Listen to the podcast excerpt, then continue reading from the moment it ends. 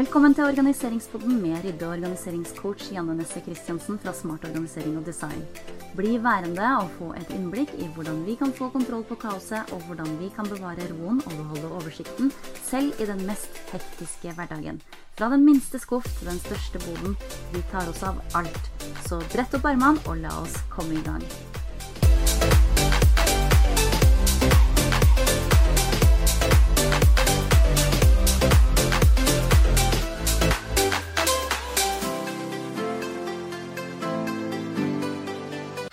Hjertelig velkommen tilbake til organiseringspodden. Janne her.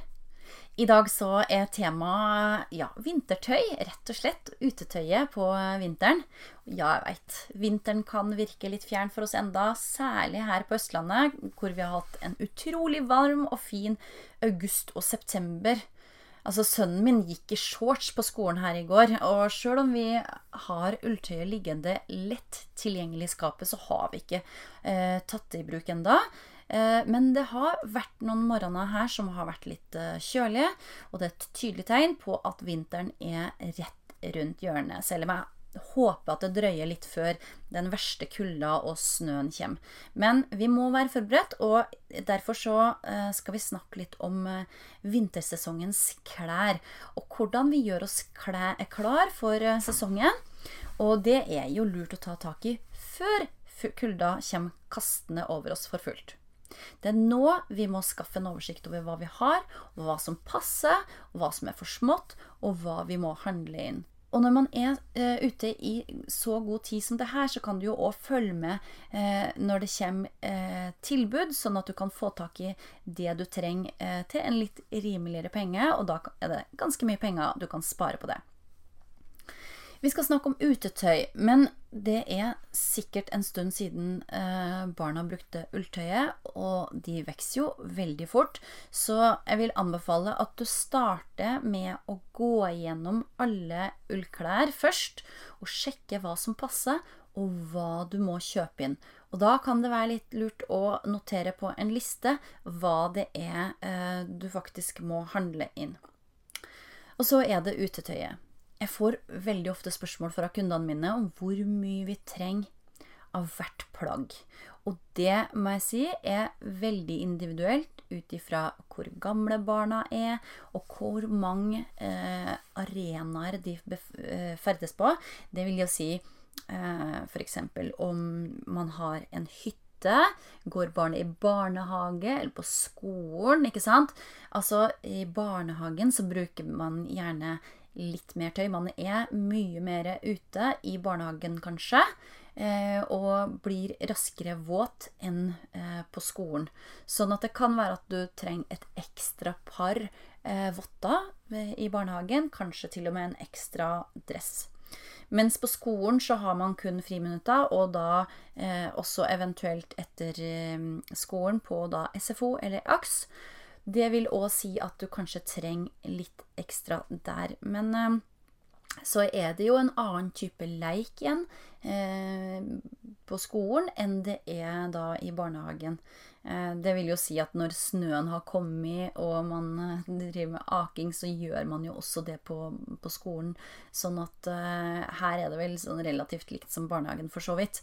Men før snøen kommer, så uh, kan det være at det er litt forskjell i hva barna trenger av utstyr. I tillegg så spiller det en rolle inn hvis man har en hytte på fjellet som man reiser til. Og jeg tenker at eh, for enkelhetens skyld, så vi pleier i hvert fall å ha egne sett liggende på hytta, sånn at vi slipper å dra med oss fram og tilbake. Og det å slippe å eh, stresse med at ja, hvor er de vottene? Ja, nei, de ligger igjen på hytta. Så har man ikke noen ting til eh, neste dag, f.eks. Eh, så, så derfor så liker jeg å dele inn i de ulike stedene man befinner seg på, for å få en oversikt over hva man har, da. Så um, Jeg pleier f.eks. å ha to par votter liggende på hytta. Og så har vi gjerne en lue og en sånn hellue. Og så har vi da en tynn dress og en vinterdress hengende der. Og så har vi da gjerne et par sherrocks stående. Um, og da man jo, reiser man jo gjerne i type andre sko, og da har man uh, Det kan man ta frem og tilbake, tenker jeg. Men det er litt greit å ha uh, et par Sherrox stående, så man slipper å drasse med seg frem og tilbake. Eh, vi arver jo, vi har jo en fordel der. Vi arver veldig mye klær til han minsten.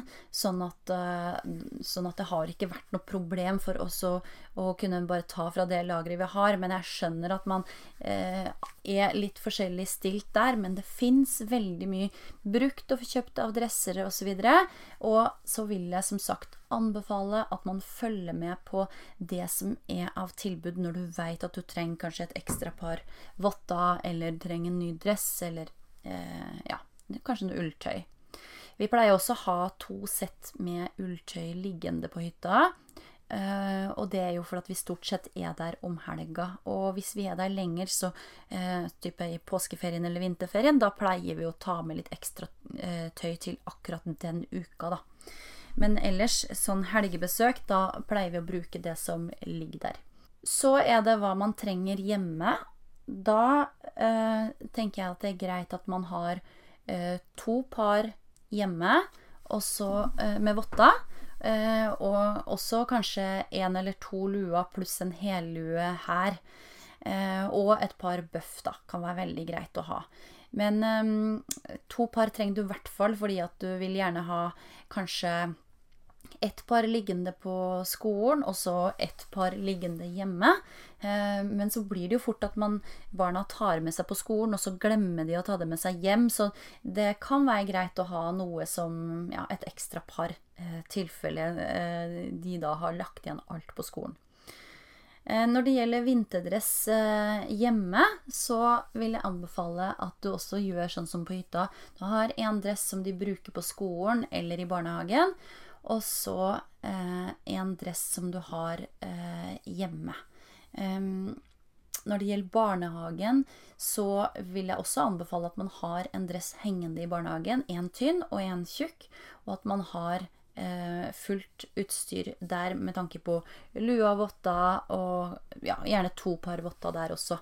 Så man trenger faktisk en del utstyr, men du må se på hva dere har behov for, og hvor mange arenaer eh, barna befinner seg på, og hvor mange par de trenger på hvert sted. Ehm, det er ikke noe vits å kjøpe for mye heller, så det er veldig lurt å virkelig tenke igjennom eh, hvor mye man har behov for. Så gå igjennom nå um, alt av um, vinterutstyr. Det som, man må jo også ha en litt tynnere dress til uh, nå i høsten. Uh, eller hvis man bruker Gore-Tex-jakke og Gore-Tex-bukse i stedet for hel dress. Det gjør man jo gjerne når barna blir litt eldre. Uh, se hva som hva dere har der, om det er noe nytt som trengs. Sjekke alle strikk under eh, støvelen, om de er intakte. Eh, og hvis ikke, så bør de byttes, og eh, da også kjøpes inn nytt hvis du ikke har noe liggende. Pass på å skrive det alt på ei liste, sånn at du har ting klart, som sagt, om det skulle dukke opp et salg, eh, sånn at du kan få tak i eh, en del ting på, til en rimeligere penge. Det var det jeg hadde for i dag. Jeg håper du ble inspirert til å komme i gang med å gå gjennom barnas uh, utetøy. Sjekk gjerne innom nettsida mi, smartorganisering.no, for enda flere tips og inspirasjon til å få rydda og organisert hjem og hverdag. Eh, ja, ønsker deg en herlig uke, så høres vi hjem om ikke lenge. Ha det bra!